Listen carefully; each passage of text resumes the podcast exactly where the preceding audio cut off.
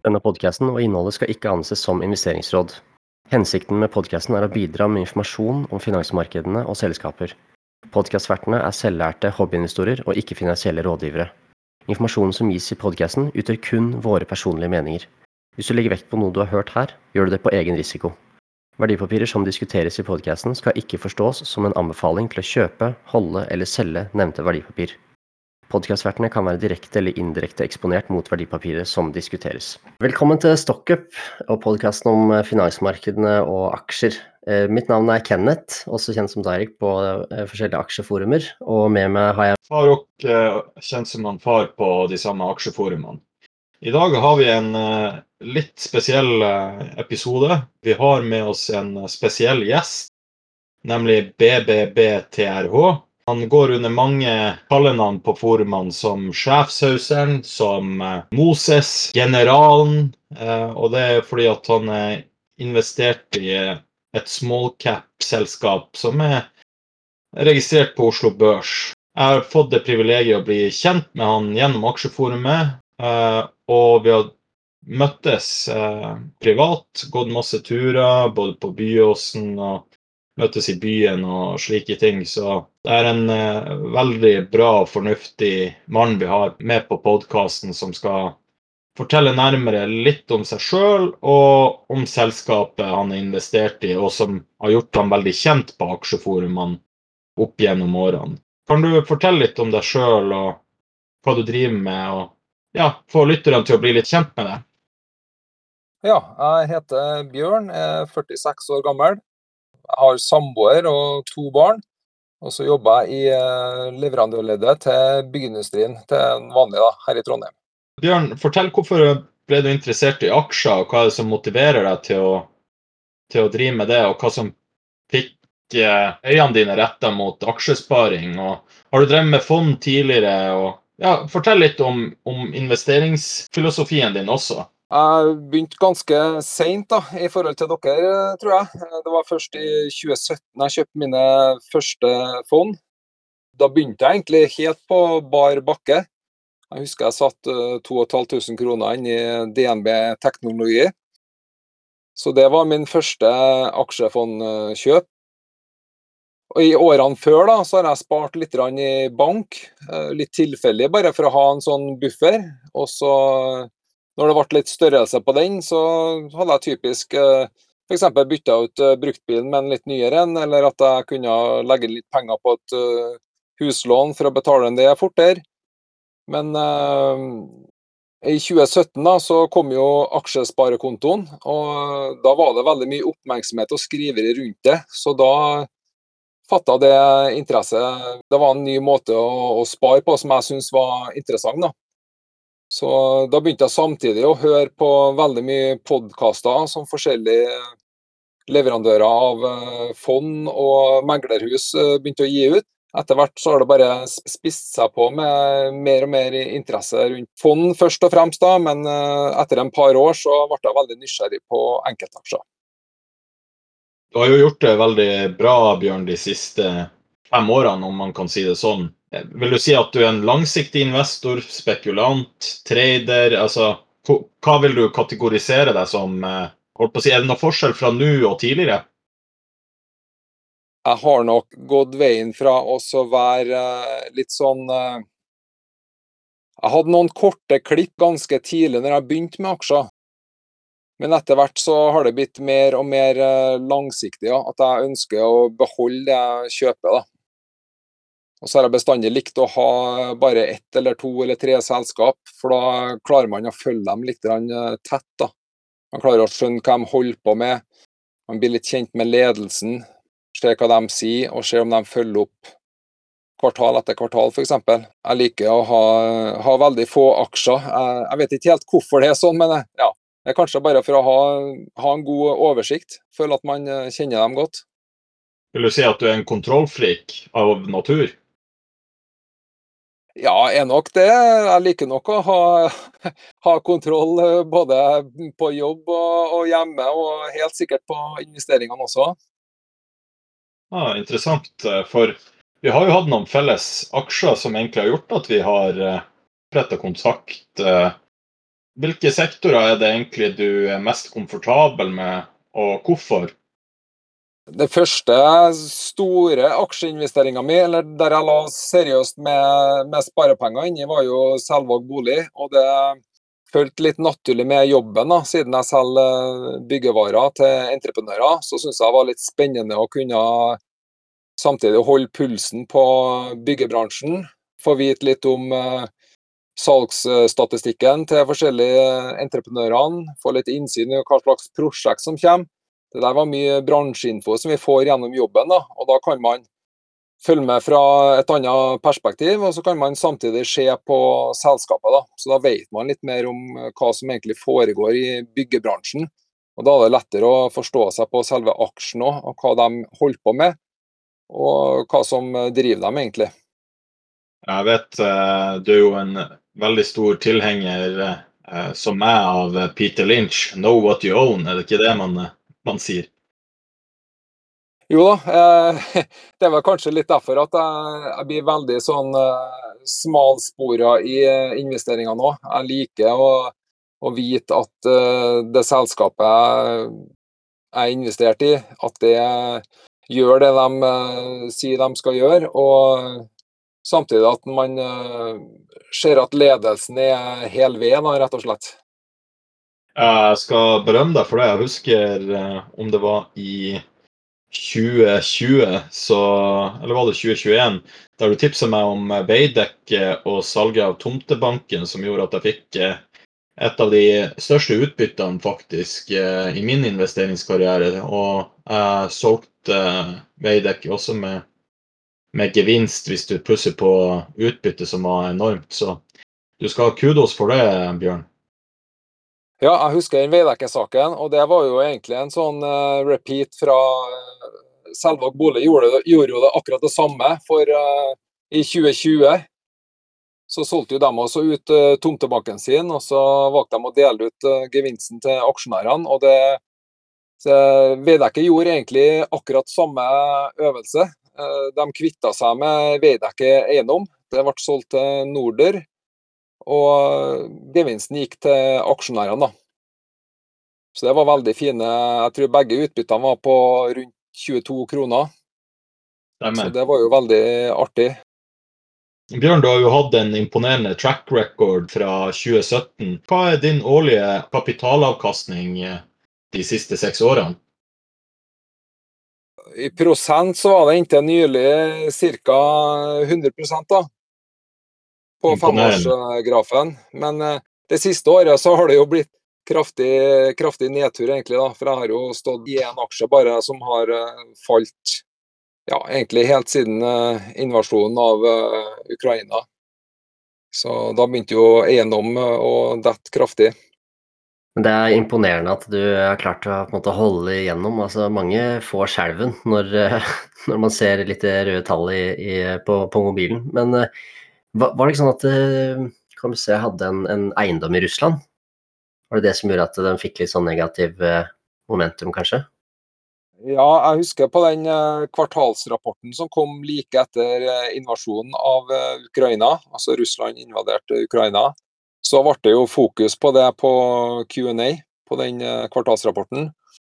Og da ble det jo sagt at de skulle forsøke å selge den eh, eiendommen. Eh, det var ikke en eiendom de ønska å stå med i eh, porteføljen til, til KMC.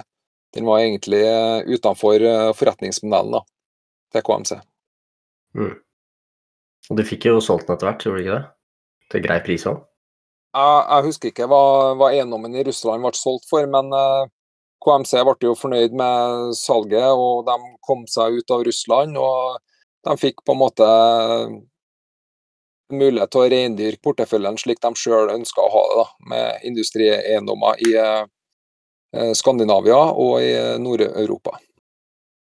Ja, mye av usikkerheten forsvant eh, når du har sånn her skygge eller mørk sky hengende over, så er det jo veldig fint å, å bli kvitt det. Eh, jeg sjøl foretrekker når selskapene kvitter seg med daukjøtt, som jeg pleier å kalle det. Tilbake litt til deg, Bjørn. Eh, for som Kenneth er innpå, så Det er ikke for å mobbe deg, sånn at lytterne vet det. De, fleste kjenner til rivaliseringa mellom meg og deg, så, så jeg, skal, jeg, skal, være Prøve å ikke virke mobbende overfor deg. Men når du har hatt røde tall nå i hva det blir, to år? Uh, nei, jeg hadde faktisk veldig grønne tall helt til ja, midten av februar, tror jeg. Ok, jo, Så litt, litt, over halvannet år, da? Ja, det er det. Mm. Litt over et år. Hva gjør det med deg som investor? Du som er langsiktig i KMC Properties. Altså, Hvordan blokkerer du ut bakgrunnsstøyet? Hvordan blokkerer du ut eh, altså, Det er jo ingen hemmelighet at kursen har jo fått en skikkelig trøkk på ett år. Hva er det som gjør at du klarer å se forbi det? For det er jo litt av nøkkelen til, til fremtidig suksess. Ja, jeg håper at du har rett i det, da. jeg har jo gått fra å ha 35 eh, avkastning på aksjen til å ha er vel på 33% i minus nå. Så eh, hvis du har stilt opp det på en eh, søyle, da, så har jo jeg mista 70% av, av verdien fra toppen. Og det er jo selvfølgelig litt kjedelig, det er klart det. Men eh, samtidig så er det litt merkelig, for at selskapet har jo egentlig levert eh, stadig sterkere resultat, og de beviser forretningsmodellen sin, at den fungerer. Så uh, det har vært litt rart. Men jeg, jeg, har jo brukt tida på å bare fortsette å kjøpe og snitt ned. Har ikke mista troa på selskapet i hele tatt, for jeg ser jo at matematikken stemmer da, når det kommer nye rapporter og tall. Kjempebra, Bjørn. Eh, jeg tror både jeg og Kenneth og, og lytterne ønsker å høre litt av det du kan om eh, KMC i neste segment, og det er jo selskapspresentasjonen til KMC. Talerstolen er din. Ja, takk for det. Nå skal jeg presentere et selskap innenfor næringseiendom som heter KMC Properties. KMC Properties finnes på hovedlista og har ticker KMCP. Market cap er ca. 2 milliarder, og de forvalter 574 000 kvadratmeter med næringseiendom fordelt på 65 bygg. De er i dag verdsatt til 6 milliarder per første kvartal 2023. Dette gir dem en kvadratmeterpris på 10 400 kroner. Net asset value per aksje er i dag på 7,97 kroner. Aksjen har en kjøpsanbefaling fra DNB Markets med target price 8 kroner og 50 øre. En liten kuriositet er at eh, KMC Properties er det eneste selskapet eiendomsanalytikeren i DNB dekker som kan forvente seg reduserte finanskostnader. Dette er pga. refinansiering av en relativt kostbar obligasjon som skal være ferdig innen andre kvartal. På Oslo Børs eh, hovedlista så har vi en liten indeks som heter OBX Real Estate. Den består av totalt fire selskap, som er Olav Thon, Entra, KMC Properties og Selvåg Bolig. Sistnevnte er ikke et næringseiendomsselskap, men en boligbygger. Til sammen så er ikke indeksen større enn Storebrand er alene, så eiendom er ikke noe stor sektor på hovedlista i Oslo. Vi snakker om børsverdier på mellom 40 og 50 milliarder, avhengig av kurser. Geografisk så er KMC Properties spredd utover fem land. Norge, Sverige, Danmark, Finland og Nederland. Ca. 60% av eiendommene er lokalisert i Norge, 10% i Nederland og resterende i Skandinavia. Vi skal komme litt tilbake til hvem leietakerne er. KMC Properties ble notert på børs i januar 2021 ved å gjøre et omvendt oppkjøp av et mindre selskap som het Storm Real Estate. Storm Real Estate hadde noe kontoreiendom i Russland og av praktiske formål en snarvei til børs for selskapet. I utgangspunktet består KMC Properties av en portefølje med industrieiendommer fra tre ulike trønderske familier som ønsker å gå på børs for å vokse og skape synergier. Hovedkontoret er i Trondheim. Eiendommene som ble børsnotert, er innenfor bransjene fiskeforedling, isolasjon og emballasjeproduksjon, maritim energi samt annen næringsmiddelproduksjon. Det finnes bl.a. kjøttforedling eh, som de leier ut til i Oppdal og Narvik. I tillegg eh, leier KMC Properties ut eiendom til Abra, som er kjent for å selge kulelager til industrielle formål. De eldste eiendommene har vært forvalta siden tidlig på 80-tallet, så dette er ikke noen nybegynnere innenfor eiendom, selv om de eh, har kort børshistorikk.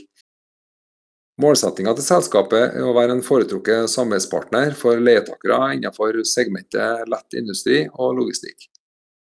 Høy GIL og vekst kjennetegner også selskapet. Spesielt innenfor havbruksnæringa og produksjon av styrenprodukter finnes de fleste kunder. Når KMC Properties gikk på børs i januar 2021, var verdsettelsen ca. 3 milliarder, fordelt på 39 eiendommer. På kun to år og tre måneder er verdien av eiendomsmassen dobla seg til 6 milliarder. Man kan trygt eh, kategorisere selskapet som et vekstselskap.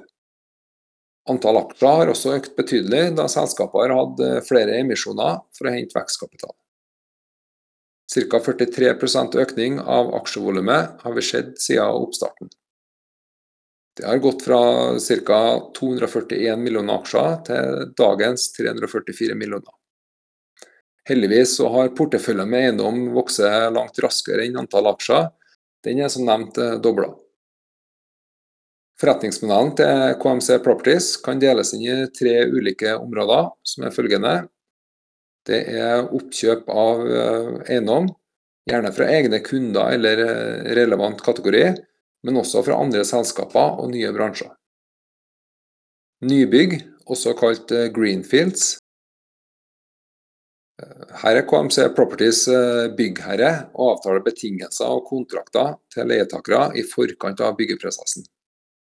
Typisk førsteleie på et nytt bygg kan være ca. 15-20 år, og det følger gjerne med opsjoner om femårsforlengelser ved utløp av kontraktstida. Det tredje er kontraktsforlengelse og fornyelse av avtaler innenfor egen portefølje. Eh, også nye prosjekter og tilbygg, eventuelt utrulling av grønn energi hos eh, eksisterende leietakere på egen tomt. Eh, sånn type aktivitet kalles gjerne Capex.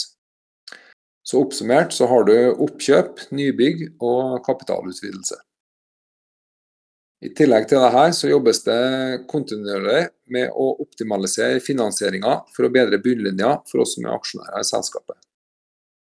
Solide motparter med lange kontrakter er da godt å ha. Strategisk er det viktig for selskapet at leietakerne er en viktig del av infrastrukturen i en næringskjede, gjennom nærhet til f.eks.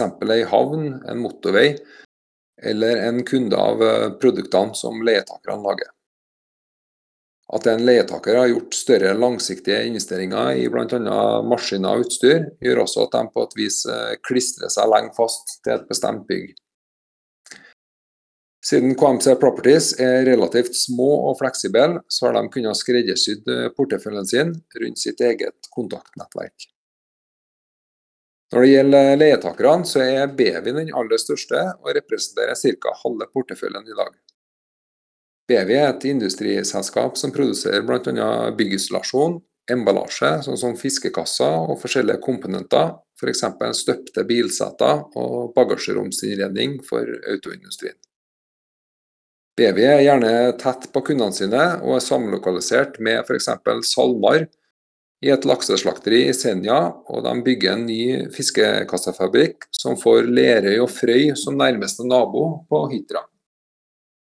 Dette skaper en nærhet til kundene og en effektiv logistikk, og er gjerne kriterier som KMC Properties setter høyt når det skal investeres langsiktig og forutsigbart. Det spesielle med BV sine produkter er at de er sirkulære. Så restmateriale og avfall fra f.eks. bygging kan resirkuleres til nytt råmateriale. Det gjør at man møter nye strenge miljøkrav i bl.a. byggeindustrien. BEWI er gjennom sitt investeringsselskap BEVI BEWI Invest samtidig største eier i KMC Properties. På den måten får de også en motpart som har felles interesser, og man får god kostnadskontroll og stabilitet. Nest største leietaker er fiskeforedlinga, med både lakseslakteri og foredling av pelagisk fisk. Insula, Grøntvedt og Klædesholmen er kjente navn i denne kurva. Mange av disse eiendommene var tidligere eid av Kverva, som er investeringsselskapet til SalMar. I sjømatbransjen har man eh, sett vekst i flere tiår, og ei tilbudsside som nesten er umettelig på stadig mer fisk. Billige proteiner og et stort eh, matvolum eh, målt mot fôringsmengden er viktige drivere for at sjømatbransjen skal vokse i tiårene framover også. En relokalisering eller utflagging av sjømatindustrien er også lite trolig når vi har flere hundre mil med kystlinje og fjorder med ideell temperatur for oppdrettsnæringa. Ser man bort fra sjømaten og isolasjon, så har KMC Properties eh, leietakere som produserer dører og vinduer, maritime energiløsninger og stort sett eh, annen næringsmiddelrelatert virksomhet.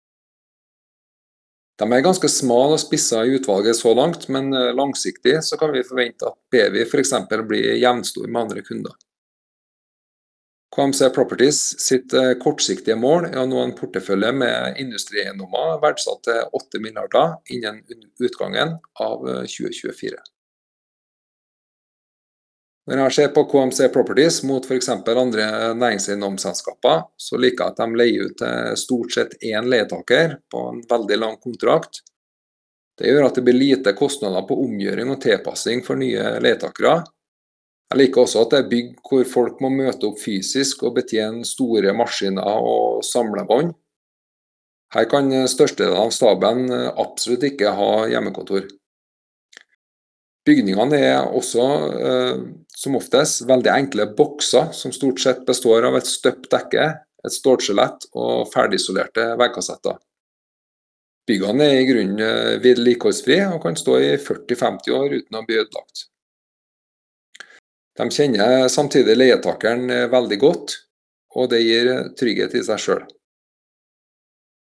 Avslutningsvis så vil jeg si at jeg har fått et godt inntrykk av ledelsen. Eh, de har kjøpt mye aksjer sjøl og har derfor eh, skin in the game. Børsmeldinger og initiativ har blitt uh, ryddig fulgt opp, og nyheter fra selskapet er stort sett av positiv karakter. Jeg syns det finnes både energi, mot og integritet i ledelsen. Nå har jo markedsklima og høye renter og inflasjon gitt kursen litt uh, motvind, men som aksjonær så syns jeg det er viktigst å se at det er vekst i resultat, og at eh, forretningsmodellen til KMC fungerer. Sånn at inntjeninga og bunnlinja øker. Dette er et maraton, som Liv Malvik har sagt en gang. Det var en kjempebra presentasjon, eh, Bjørn. Det er eh, veldig, veldig lærerikt og, en skikkelig god gjennomgang av KMC. Da har vi noen spørsmål til deg som jeg tenkte vi skulle gå gjennom. Jeg begynner først med hvorfor har du kjøpt eh, Altså hvorfor har du valgt KMC fremfor typisk altså andre kjente navn som Entra eller Olav Thon, og, og hva er det som skiller de her fra hverandre? Ja, eh, når jeg så på KMC altså Jeg ble jo egentlig kjent med KMC først og fremst uh, gjennom Bevi. Jeg var der først, da. Så Den første gangen jeg hørte om KMC, så var det at Bevi solgte tre eiendommer i Nederland til KMC. Jeg var jo et uh, halvt år i Bevi før jeg solgte meg ut med en fin gevinst. Og etter det så gikk jeg rett inn i KMC. Da Da hadde jeg på en måte blitt litt kjent med leietakerne uh, først og fremst, da, og hva de drev på med. Jeg syns det var veldig fremtidsretta. Uh, Bevi driver jo f.eks. med sirkulær emballasje og isolasjon, og det vil jo bli stor etterspørsel på i, i framtida. Eh, når det gjelder kontra andre selskap, sånn som Entra og Olav Thon, så er jo Entra et selskap som stort sett leier ut eh, kontor i, eh, i byer. Der kan det bli veldig mye utskifting av leietakere, rett og slett. Hjemmekontor er også en trend som kan forskyve eller endre behovet for kontor i framtida. Så for meg så syns jeg det ble litt usikkert. Når det gjelder Olav Thon, så når det gjelder Olav Thon, så har jeg veldig lite kunnskap om eh, både hotelldrift og restauranter og kjøpesenter som de driver på med. Da er det enklere for meg å følge med et selskap som faktisk har base i Trondheim, og eh, der jeg faktisk kjenner til og ser byggene når jeg reiser på jobb. Eh, Det er også likt eh, at du nevnte i analysen din, eh, Bjørn, bare for å supplere. No, noe, Jeg er jo veldig skeptisk til eiendom generelt. Det vet lytterne også fra før. Jeg vil berømme deg litt for det der, for jeg har jo lest meg litt på, opp på KMC for denne innspillinga. Og det som jeg syns er veldig positivt, da, er at har først KMC fått en kunde, da, så er det vanskelig for kunden å rømme fra de lokalene de har lange leieavtaler med. Så å bryte en kontrakt der vil ikke være gunstig verken for leietager og, eller KMC. Du ser jo næringseiendom i Europa, Sverige og USA, så har du jo ledighet Altså, de har ikke fulgt kapasiteten over 90% nå på en god stund, nemlig pga. faktoren du nevner hjemmekontor. Jeg ser logikken der og følger deg i refleksjonen der som gir KMC en soleklar fordel eh, når det gjelder forretningsmodellen til selskapet. Ja, Det er et veldig godt poeng, Faruk. og Det ser vi også når vi ser på eh, snittiden på kontraktene. De er ofte mye lenger enn eh, enn andres. Eh, og det er veldig, veldig positivt. Det er som du sier, du har ikke noe alternativ. ikke sant? Har du et slakteri, så blir det liksom det du får. Det er vanskelig å sette opp et nytt i nærheten. Nemlig. Um, yes, og ja, litt sånn som du var inne på, Faruk, så har jo eiendom vært eh, litt i hardt vær det siste året. Eh, Bjørn, hvorfor er det, har verdsettelser og sånn falt så mye? Har nok eh, direkte sammenheng med, med renta, og så er det nok en litt eh, frykt for hva framtida bringer da, for eh, leietakerne. Det er nok Mm. mange som er bekymra for at en del leietakere kan få problemer og må kanskje skal, skalere ned på sine arealer, eller i verste fall si opp sine leiekontrakter. Ja, ikke sant. Vi ser jo det at også i Sverige nå er det jo Ja, krisen begynner å, å virkelig eh, bli ille. Det var jo er det SBB som eh, Kursen ble halvert på to dager. Eh, Stemmer. ja. Nei, de mista jo investment grade. Um, de ble nedgradert fra trippel B til junk, og da bare Ja. Ble, kutt, ble kursen kutta i to, og så skulle en pause utbytte og kjøre emisjon, og så falt kursen under emisjonskursen, så det er jo bare helt krise i det, i selskapet nå. Så det er jo Ja, eiendom er ikke eiendom. det har veldig stor betydning hvem som, som driver eh, selskapet. Jeg kan, jeg kan jo skyte inn at uh, f.eks. På, på KMC da, så kan du si at uh, ca. halvparten av uh, topplinja går til å betjene uh, låneforpliktelsene. Så det er jo klart at uh, eiendom i seg sjøl er veldig rentesensitivt. og Da er det viktig, f.eks. sånn som KMC, de velger å vokse i denne perioden. da. De prøver å vokse seg ut av uh, vokse seg sterk nok til å tåle stadig større forpliktelser, mens du ser at andre må kanskje brannselge eiendommer for å få en balanse som tilfredsstiller bankene sine utlånskrav. Så det kan være forskjellen. da. Man må enten eh, komme i balanse ved å kvitte seg med eiendeler eller kutte utbytter, eller så må man faktisk eh, vokse og skaffe seg mer inntekter, så man får eh, større betjeningsevne. Og, og, når banken ser det, så så får, de, så får du lov å, å fortsette. Mm. For, eh, for som du nevnte også i presentasjonen din, så kan man si også at KMC har vært i hardt vær også fordi at det er en litt illikvid aksje, samtidig som den obligasjonen enda ikke kommer i orden, eh, Bjørn. Ja, det kan du helt klart si. Eh, Du kunne ha tenkt deg sjøl, hvis du var en forvalter i et større fond, så har du kanskje ville ønska deg en mer likvid aksje, selvfølgelig, for at det var lettere å omsette den. Av helt åpenbare grunner, for å løse inn eh, fondsandeler. Og en annen ting at en, kanskje en stor forvalter har veldig god tid, så de kan jo egentlig vente på et moment for å og så kaste seg på. Men her ligger jo fordelen til en eh, småsparer da, som eh, faktisk kan vurdere å se kvartalstallet år etter, eller måned etter måned og år etter år, og se at det går rette veien og ha en mulighet til å komme seg, komme seg inn da, hvis det er attraktivt, kontra et fond. Jeg har et uh, spørsmål til Bjørn. Min tur å grille deg litt, og ikke bare Kenneth. Jeg liker å grille folk, Bjørn, så det er greit å være første gjesten som får høre det, liksom.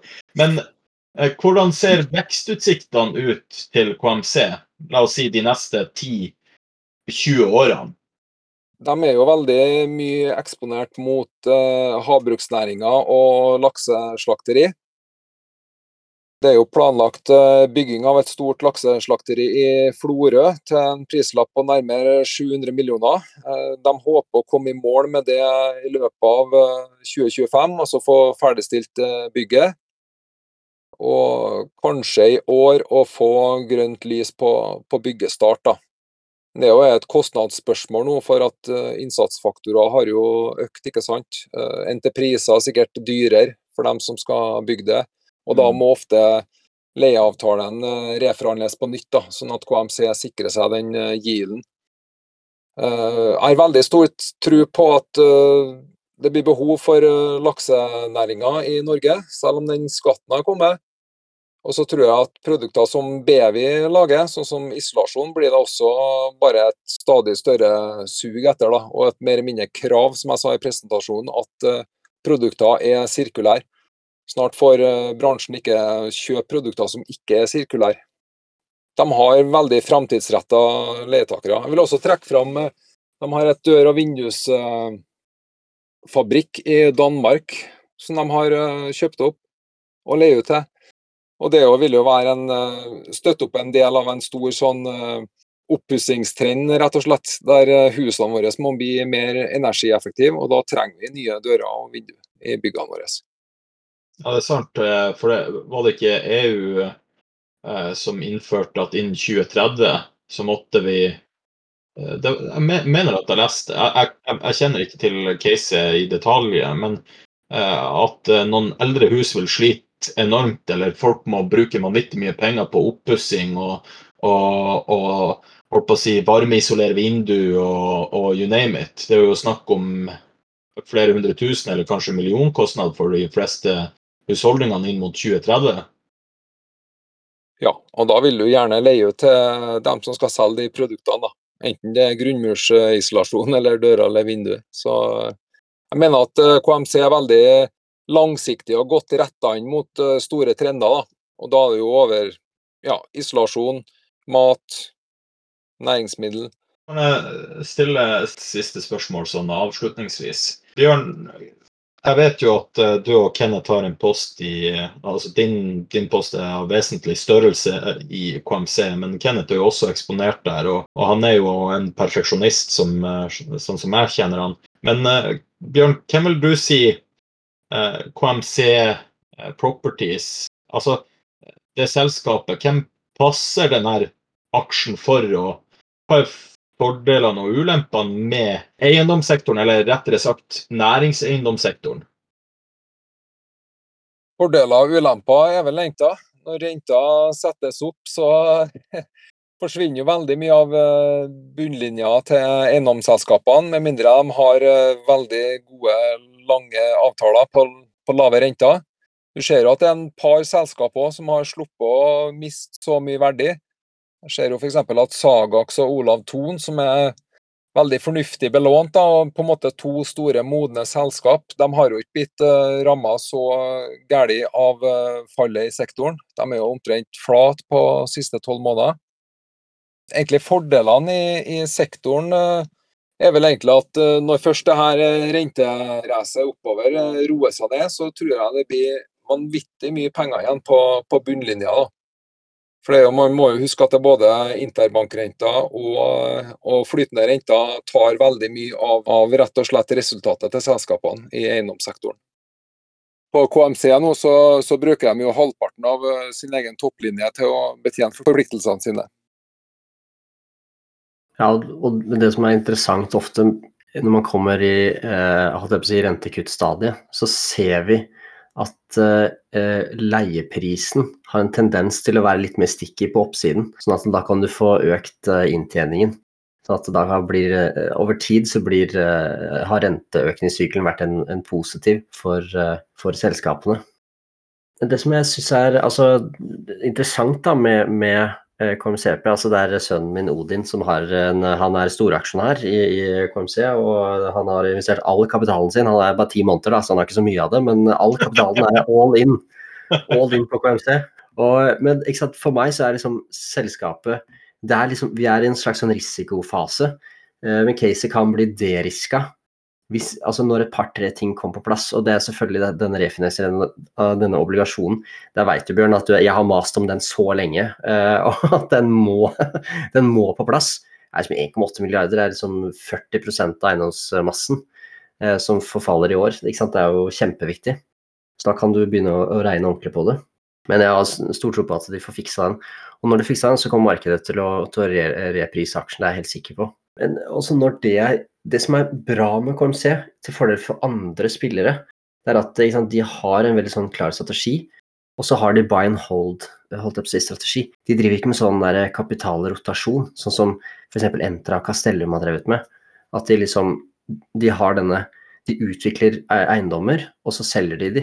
Så EBT-en deres blir, eh, blir blåst opp, og i lavrentetider så funker det greit. Men når eh, salgsmarkedet stopper opp, sånn som det har gjort nå de siste to åra, så har du ikke den muligheten. Så da eksponerer du deg veldig mot eh, renterisikoen, hvis du ikke da samtidig har liksom gjort grep for å, for å dra forfallsprofilen ut og, og, eh, hedge deg mot flytende renterisiko og sånn, så, så, kan du få en skikkelig smell, sånn som de svenske har gjort nå. Mens på KMC så har de har jo egentlig ikke det. Altså ja, de har litt høye rentekostnader, men de er jo ikke investment grade ennå, og de har bra, bra yield på eiendommene sine. Så det, det, det, ser bra ut, altså. Kan jeg komme med en kritisk røst til, til dere begge her? Jeg, jeg, har en saying som, eh, som eh, Altså, jeg, jeg fikk erfare på en heldig, veldig vond måte. Castellum var min tredje største posisjon. Når du selger eh, et eiendomsselskap med 40 tap. Jeg er en som har regna på den oppå i mente. Jeg fylte på i den aksjen to måneder før jeg solgte den. Så det sier jo sitt at eiendomsbransjen er ekstremt vanskelig å verdsette, og spesielt i et rentemiljø som uh, i en rentebane som aldri har blitt heva så høyt siden 70-tallet. Så det, blir ekstremt vanskelig. Er dere ikke redd for at vi har sett de beste tiårene av eiendom. Og da tenker jeg fra 2010 til 2020, da. Eh, ja, for eh, dårlig drevne nordiske eiendomsselskaper så er det det. Fordi at de ikke har lært seg å drive med riktig kapitalallokering og eh, ha, ha, riktig finansiering. Altså eiendom er altså selvfølgelig Det viktigste med eiendom er location, location, location. Og så må du ha gode leietakere som, eh, har, eh, som, som jobber innenfor markeder som er i vekst. Det er veldig viktig. Men når du har det på plass, så handler alt om hvordan du bruker gjeld. For at du kan ikke cashe ut alle disse eiendommene. Vi jo, er jo en asset bubble her, så du må jo bruke gjeld.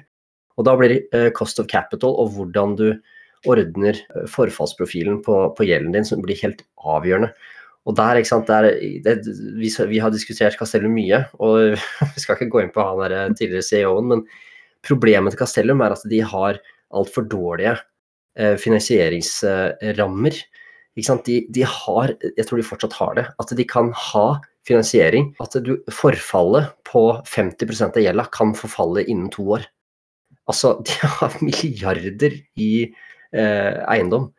Og, og det, å, det, å, kunne være, altså det å kunne legge opp finansieringa sånn at du må betale halvparten tilbake i løpet av to år, er helt krise. Tenk hvis du ikke får tak i eh, ny finansiering, da, sånn som de nå ikke har greid pga. at rentene har gått så mye opp.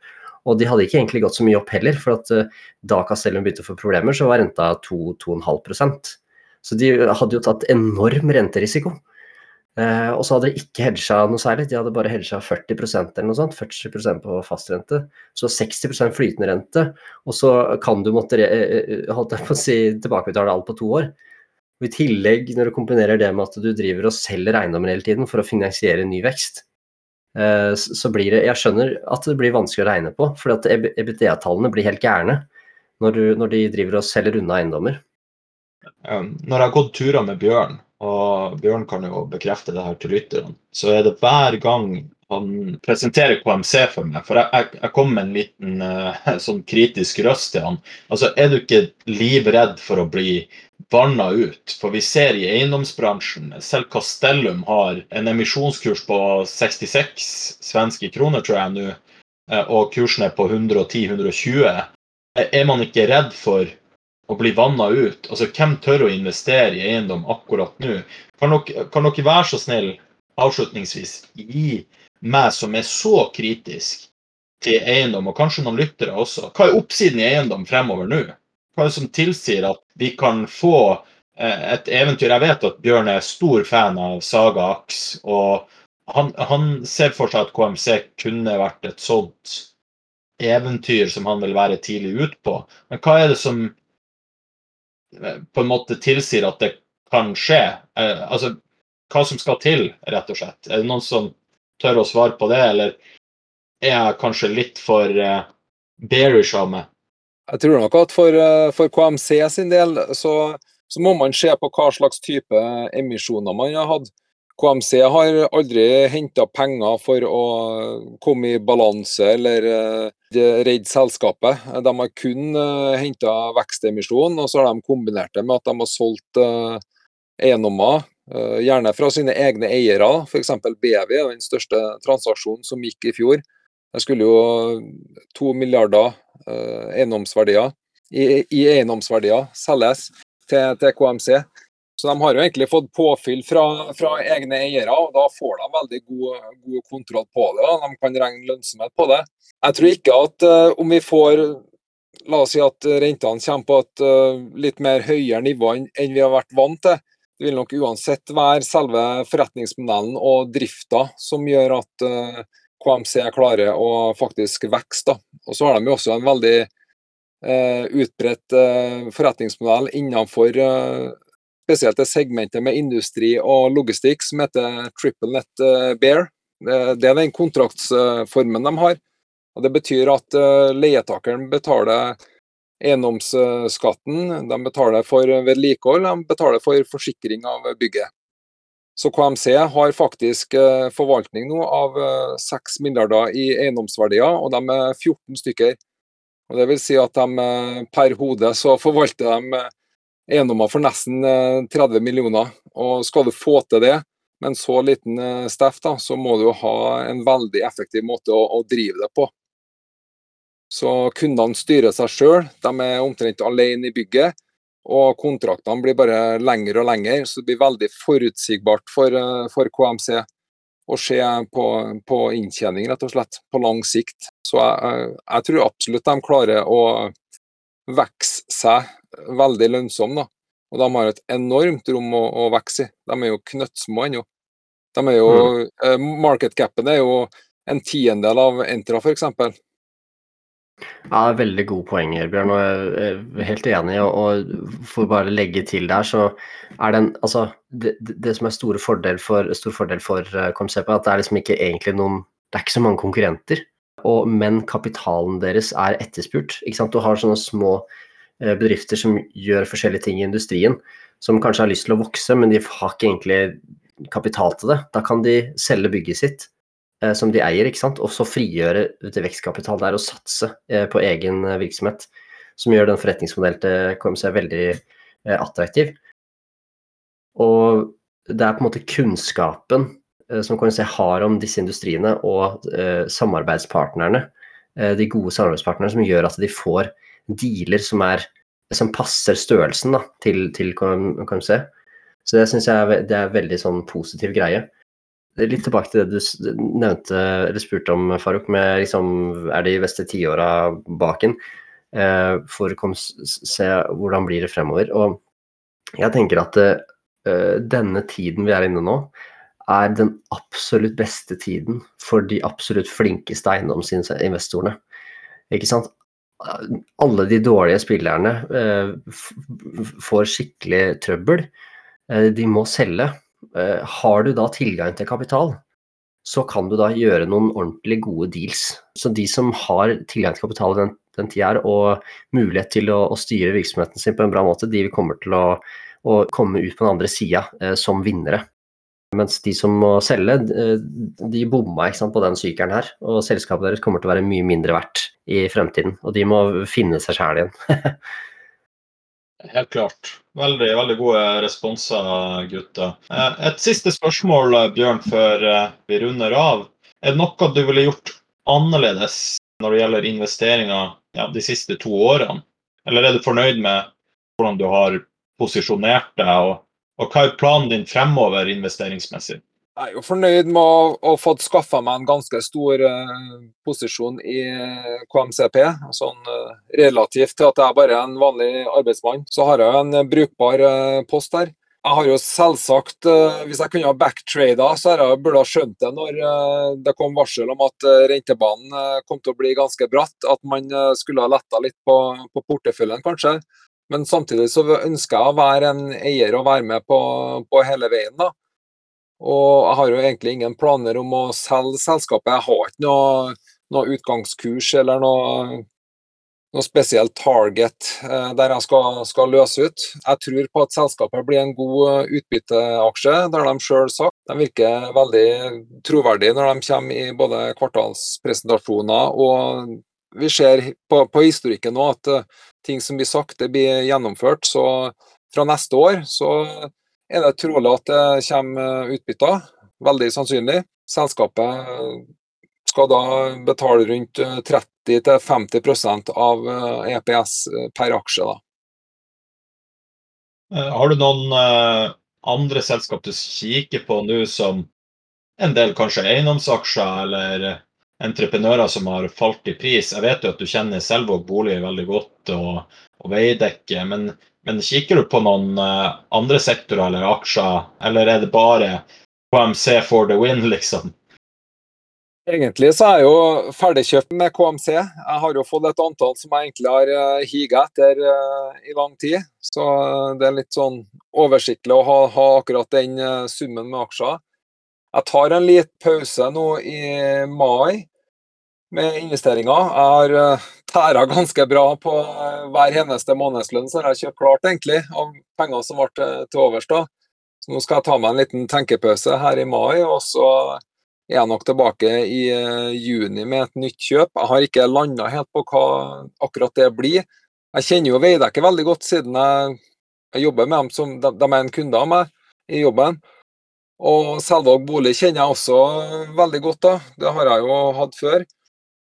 Eh, der er det veldig spennende å se hva som egentlig skjer nå med byggestansen og når ting kommer i gang igjen. Da. Det er veldig mye spennende på gang i sektoren, eh, både næringsbygg og eiendom og boligbygging og alt det der, som er veldig finansavhengig. Så der vil jeg nok eh, følge ekstra godt med. Men Kjempebra, Bjørn. og Tusen takk for at du tok deg tid til å opplyse oss om eh, KMC. Eh, jeg personlig har lært eh, veldig mye på denne episoden om, om eiendom. Og jeg ser frem til å ha deg som gjest igjen med kanskje en, en ny aksje. Eller hva du sier, Kenneth? Hva du syns? Helt enig. Jeg har lært veldig mye av deg, Bjørn. Så det er fantastisk at du tok deg tid til å, å bli med. Tusen takk. Er det noen uh, kommentarer du har til lytterne, eh, Bjørn, før, uh, før, vi runder av?